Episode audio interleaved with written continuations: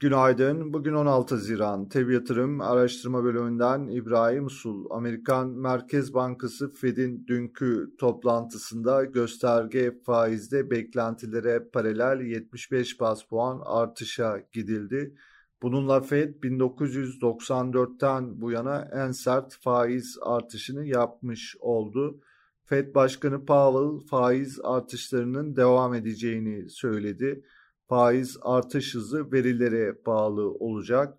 Fed üyeleri önümüzdeki dönem için faiz tahminlerini yükseltti. Fed sonrası fiyatlamalara bakıldığında Amerikan endekslerinde dün pozitif kapanışlar görüyoruz.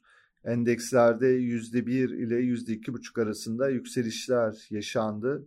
Bu sabah vadeli tarafta da Amerikan endeksleri yukarıda. Asya borsaları güne pozitif başladı. Avrupa borsalarının %1 ile %1,5 arasında yukarıda açılması bekleniyor.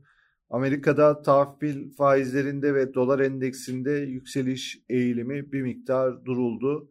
Ons altın hafif yukarıda. Bugün İngiltere Merkez Bankası'nın faiz kararı takip edilecek. Gösterge faizde 25 bas puanlık artış bekleniyor. Amerika'da haftalık işsizlik başvurusu verisi gelecek. Borsa İstanbul'un da dünkü yukarı hareketin sonrasında küresel etkiyle bugün güne pozitif tarafta başlayacağını düşünüyoruz. BIST endeksinde toparlanma hareketinin 2640 direnç bölgesine doğru sürmesini bekleriz. Bugünün önemli destekleri 2500 ve 2466 seviyelerinde. Hisse tarafında teknik bazda Doğan Holding, Garanti Bankası, Emlak Gayrimenkul, Koç Holding, Koza Madencilik, Otokar, Özak Gayrimenkul, Türk Telekom, Yapı Kredi Bankası hisselerine olumlu tarafta bakılabilir. Piyasaları değerlendirmeye devam edeceğiz. Tabi yatırım olarak herkese iyi bir gün diliyoruz.